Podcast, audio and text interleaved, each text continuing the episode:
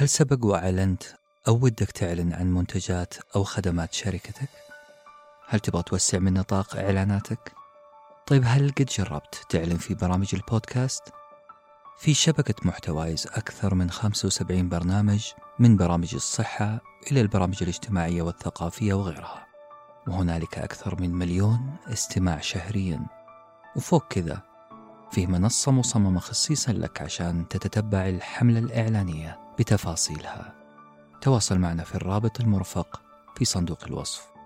وخلي محتوايز شريكك الأول في إعلاء صوت علامتك التجارية. بودكاست حكايات مدير صغيرون.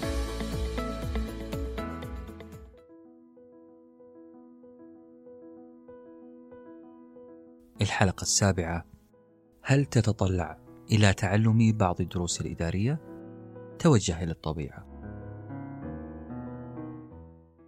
العالم الأمريكي كارل برانسون روجرز يقول أنه الشخص الوحيد المثقف هو الذي تعلم كيف يتعلم ومن ثم كيف يتغير.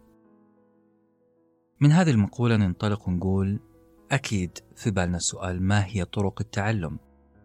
بشكل عام هنالك أربع أساليب تقليدية للتعلم وهي المرئي، السمعي، اللفظي والحركي.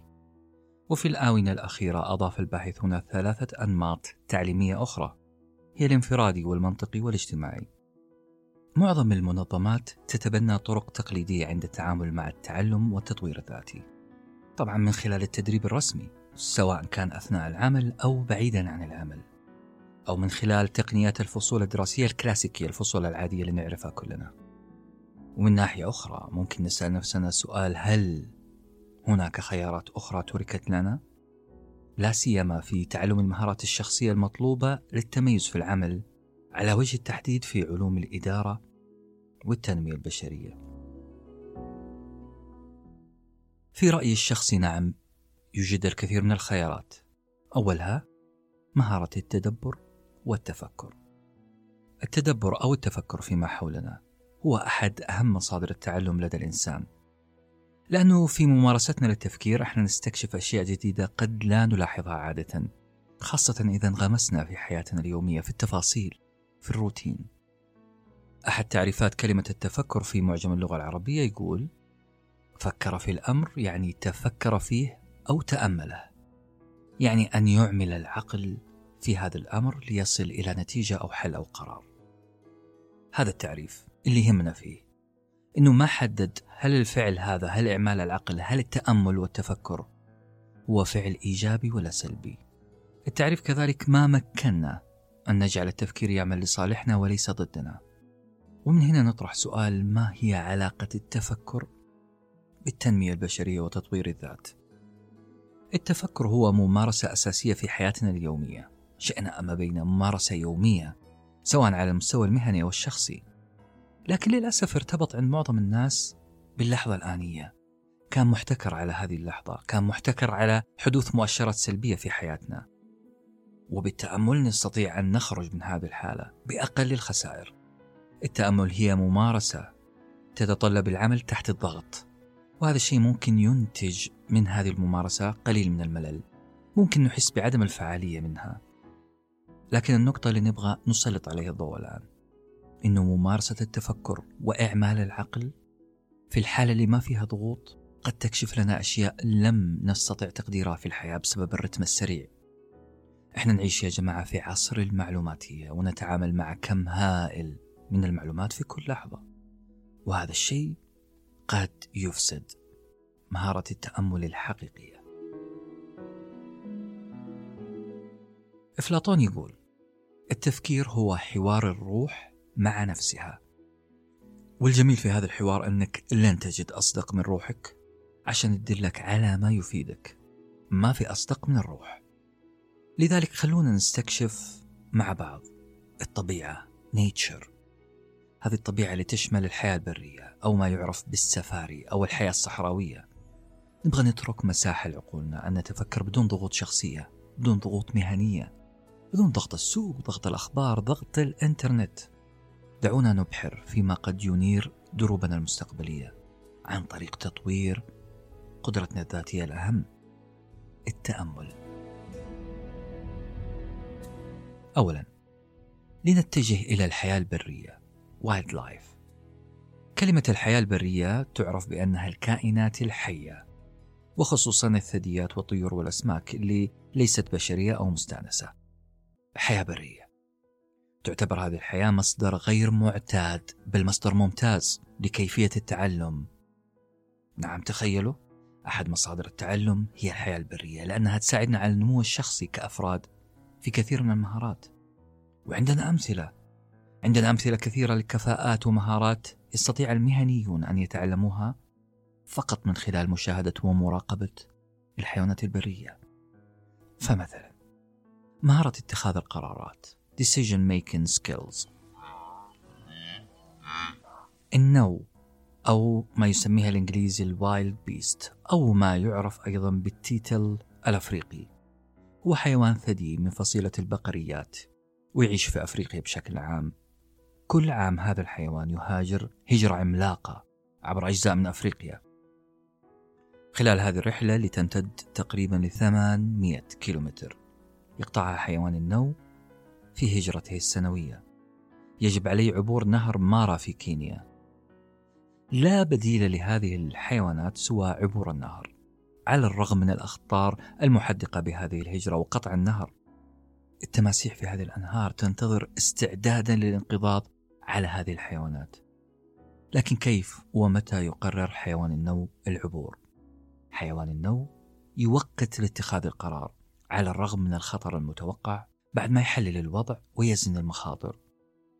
مراقبة هذا الحيوان تجعلنا نقول مجبرين أنه في علم الإدارة صنع القرار دائما ما يكون محفوفا بالمخاطر لا يوجد قرار بدون مخاطر. لكن عدم اتخاذ القرار أو التردد فيه يكون أسوأ أحيانا من ترك الأمور على ما هي عليه. لذلك الحسم في اتخاذ القرار هي مهارة ممكن نتعلمها من مراقبة الحيوانات البرية وخاصة ال wildebeest. مهارة التوجيه coaching اللبؤات أو أنثى الأسد ال lioness اللبؤات تفعل الكثير لتدريب الأشبال. هي مو فقط تصطاد هي تدرب الأشبال على الصيد. وكيف يتم ذلك؟ من خلال محاكاة معركة بقاء يوميا تقريبا. اللبؤات تجسد للصغار عملية المعركة اليومية للبقاء على قيد الحياة. وبشكل واضح نقول أن اللبؤة تتظاهر أن الشبل يؤذيها وتصدر أصوات تنم عن الألم لإعطاء الصغير الفرصة لخوض تجربة كاملة وكأنه يصطاد فريسة. محاكاة. محاكاة تتجسد في المثل الصيني القديم اللي يقول أعطي رجلا سمكة وستطعمه ليوم واحد. علم الرجل الصيد وستطعمه مدى الحياة. التدريب والتوجيه عملية متعبة. في بدايتها وتتطلب طبعا الكثير من الصبر والمثابرة من الطرفين لكن ثمارها مجدية على المدى الطويل وخاصة عملية ال coaching أو التوجيه. التعاون teamwork الذئاب والضباع عادة لا تصطاد منفردة هي تعمل كمجموعة وكل عضو فيها عليه الإسهام في شيء. كل ذلك من أجل تحقيق الهدف المنشود الذي هو صيد الضحية الفريسة.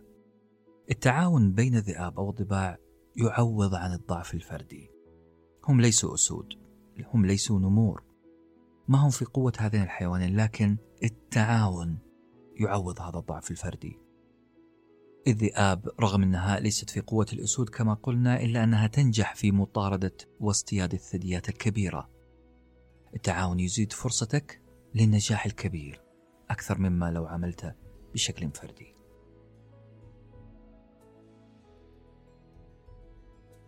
وبعد ما انتهينا من التوجه إلى الحياة البرية خلونا نتوجه إلى الصحراء. الصحراء تعتبر مصدر إلهام عظيم لمن أراد أن يتعلم منها. أشياء كثيرة عن علوم الإدارة والتنمية البشرية بالذات مهارتي إدارة الوقت والتمكين نعم إحنا ما نبالغ. إحنا ما إحنا في عالم وردي إحنا ما ننظر فقط لا. الصحراء تعلمك إدارة الوقت والتمكين. الصحراء وحياة البادية تتطلب التميز في هاتين المهارتين. لازم تتقن. والغرض طبعا هو إجادة إدارة الموارد سواء كانت موارد بشرية أو حيوانية أو بيئية. وخلينا نوضح هذا الشيء. إدارة الوقت أو ال time management قيل في الأثر بهذا الخصوص المثل المعروف الوقت كالسيف إن لم تقطعه قطعك إدارة الوقت مهمة جدا وعلوم الإدارة جاءت بنظريات وأساليب كثيرة لتنظيم الوقت. مثلا لائحة المهام اليومية والدورية البرامج الإلكترونية وحتى برامج مراقبة الوقت أثناء الاجتماعات والمحاضرات. إذا غصنا أكثر داخل تفاصيل اليوم في العالم الصحراوي سنتعرف على مهارة إدارة الوقت. لأننا راح نسلط الضوء قليلا على كيفية إدارة الوقت في الصحراء وكيف مكنت هذه المهارة قاطنيها من تسخير الوقت لصالحهم للحصول على مبتغاهم في الإنتاجية وتحقيق الأهداف. إدارة الوقت في الصحراء تدار حسب موسمين رئيسيين الشتاء والصيف. كل موسم له طقوسه، كل موسم له متطلباته. إدارة الوقت فيه لازم تولى أولوية كاملة لصالح المجموعة من أفراد أو جماعات من إبل وأغنام وحتى البيئة. في الشتاء يبدأ اليوم قبل صلاة الفجر بقليل استعدادا للصلاة وذلك بإشعال النار وتدفئة المياه للوضوء. بعد الصلاة يبدأ تجهيز الإفطار وحلب الإبل والأغنام وترضيع صغارها ثم الانطلاق للمرعى. بعد الشروق بفترة وجيزة فيه مهمات خاصة في فصل الشتاء أهمها التحطيب ويعمل فيها الرجال والنساء.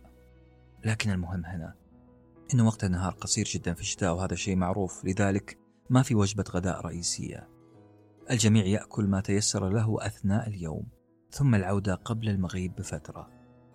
تنظيم عجيب للوقت بل هي إدارة فعالة للوقت.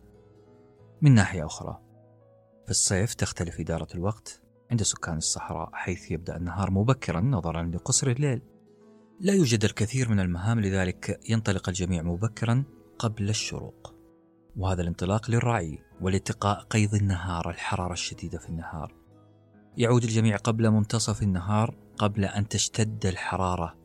طلبا للماء طلبا للطعام للقيلولة لتعويض ساعات النوم القليلة اللي ناموها في الليل. صغار المواشي لا تذهب للمرعى بل يجهز لها مكان للوقاية من حرارة الصحراء الشديدة. صغار الحيوانات تشارك في القيلولة وتنتظر عودة الكبار من المرعى. الرجوع عادة يكون متأخرا بعد المغيب قليلا. نظرا للفاصل النهاري اللي يمتد حتى انكسار أشعة الشمس. تنظيم وإدارة عظيمة للموارد وللوقت. مهارة التمكين Empowerment. ميردث وموريل في كتابهم تمكين الموظفين. الصادر عام 2000 عرفوا التمكين بما معناه بأنه إعطاء السلطة والصلاحية لشخص ما ليتولى القيام بمسؤوليات أكبر وأوسع من خلال التدريب والثقة والدعم العاطفي. التمكين في الصحراء متواجد طبعا. في الصحراء يتم التمكين من خلال إعطاء مهمات أكبر للصغار للناشئة من أفراد العائلة. يكون التمكين ظاهرا في حالات كثيرة منها الانتقال من مكان لآخر. البحث عن دابة مفقودة. اكتشاف مكان أفضل للمرعى أو حتى التعامل مع واجبات الضيافة. هذه أنواع من التمكين. هذه تجسدات التمكين في مهام بسيطة. في حالة الانتقال مثلا المكلف بمهمة الصغير الناشئ المكلف بمهمة يوجه له توجيه دقيق متدرج في الوصف بأن يعطى مثلا علامات للانتقال من مكان لآخر. هذا تمكين. فيقال للصبي مثلا اذهب إلى ذلك الجبل ثم اصعده سترى واديا به نوع معين من الشجر. واصل مسيرتك جاعلا الوادي على ميمنتك.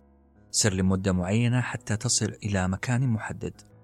انجز المهمة المحددة سلفا وانتظر حتى نوافيك آخر النهار.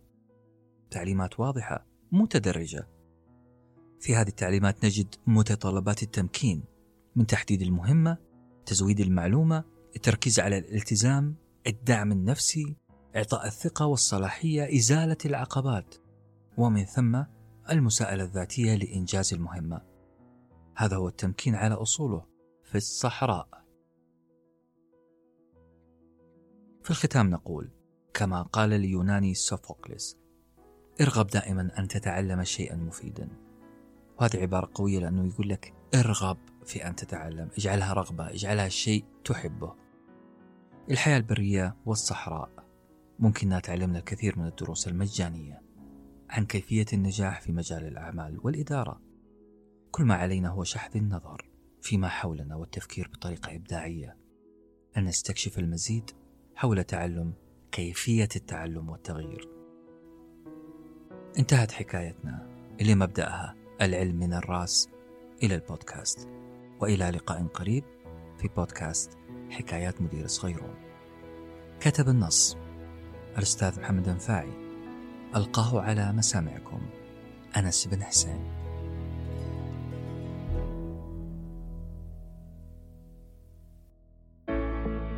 بودكاست حكايات مدير صغيرون.